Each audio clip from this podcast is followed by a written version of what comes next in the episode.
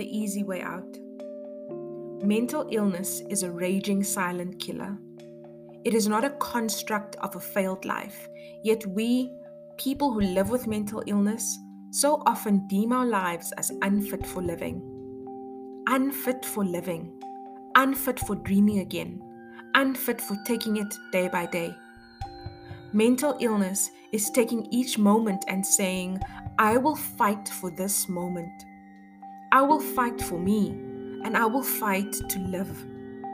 Every single moment is a fight against your own mind. It's a fight against don't be encompassed by the darkness that is so familiar. Imagine looking for your keys in the dark, in a pile of other people's keys.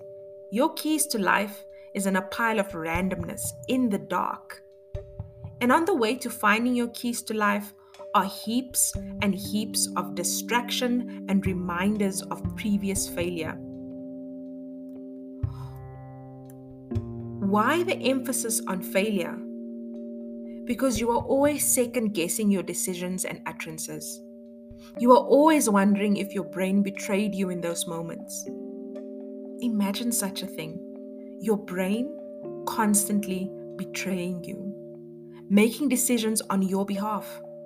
Imagine listening to yourself saying things, and inside you're wondering, why are those words coming out of my mouth? Make it stop. And then the whirlwind of thoughts come. What are they thinking of me? Did I make a fool of myself? No, you're fine. Nope, they are definitely thinking you are totally nuts. How do you recover from that? And these are not isolated moments. This is every single moment, each conversation.